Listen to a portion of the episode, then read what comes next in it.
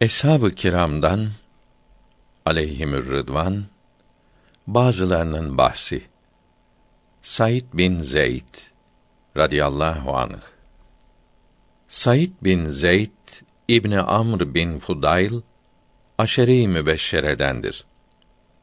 Resulullah'ın sallallahu aleyhi ve sellem cennet ile müjdelediği on sahabiden biridir.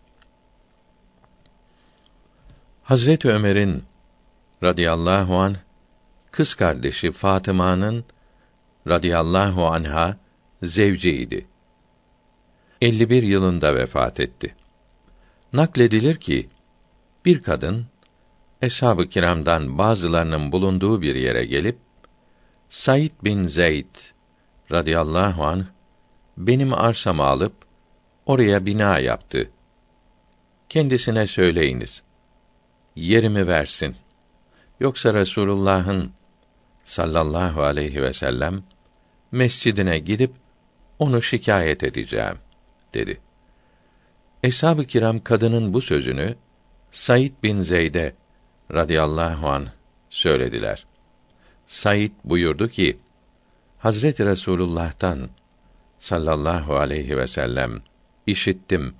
Buyurdu ki: Bir kişi hakkı olmadan bir karış yer alsa Allahü Teala onu yedi kat yerden tard eder.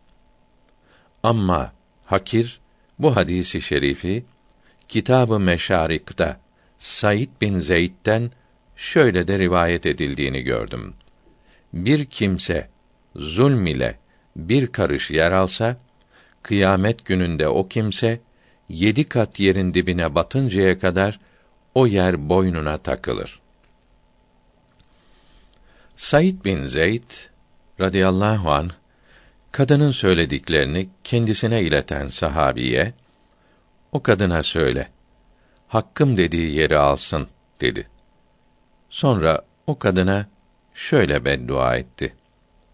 Allah'ım eğer o kadın yalan söylüyor, bana iftira ediyorsa onun gözünü görmez et. Gözleri görmez halde ölsün. Bu sözleri o kadına ilettiler.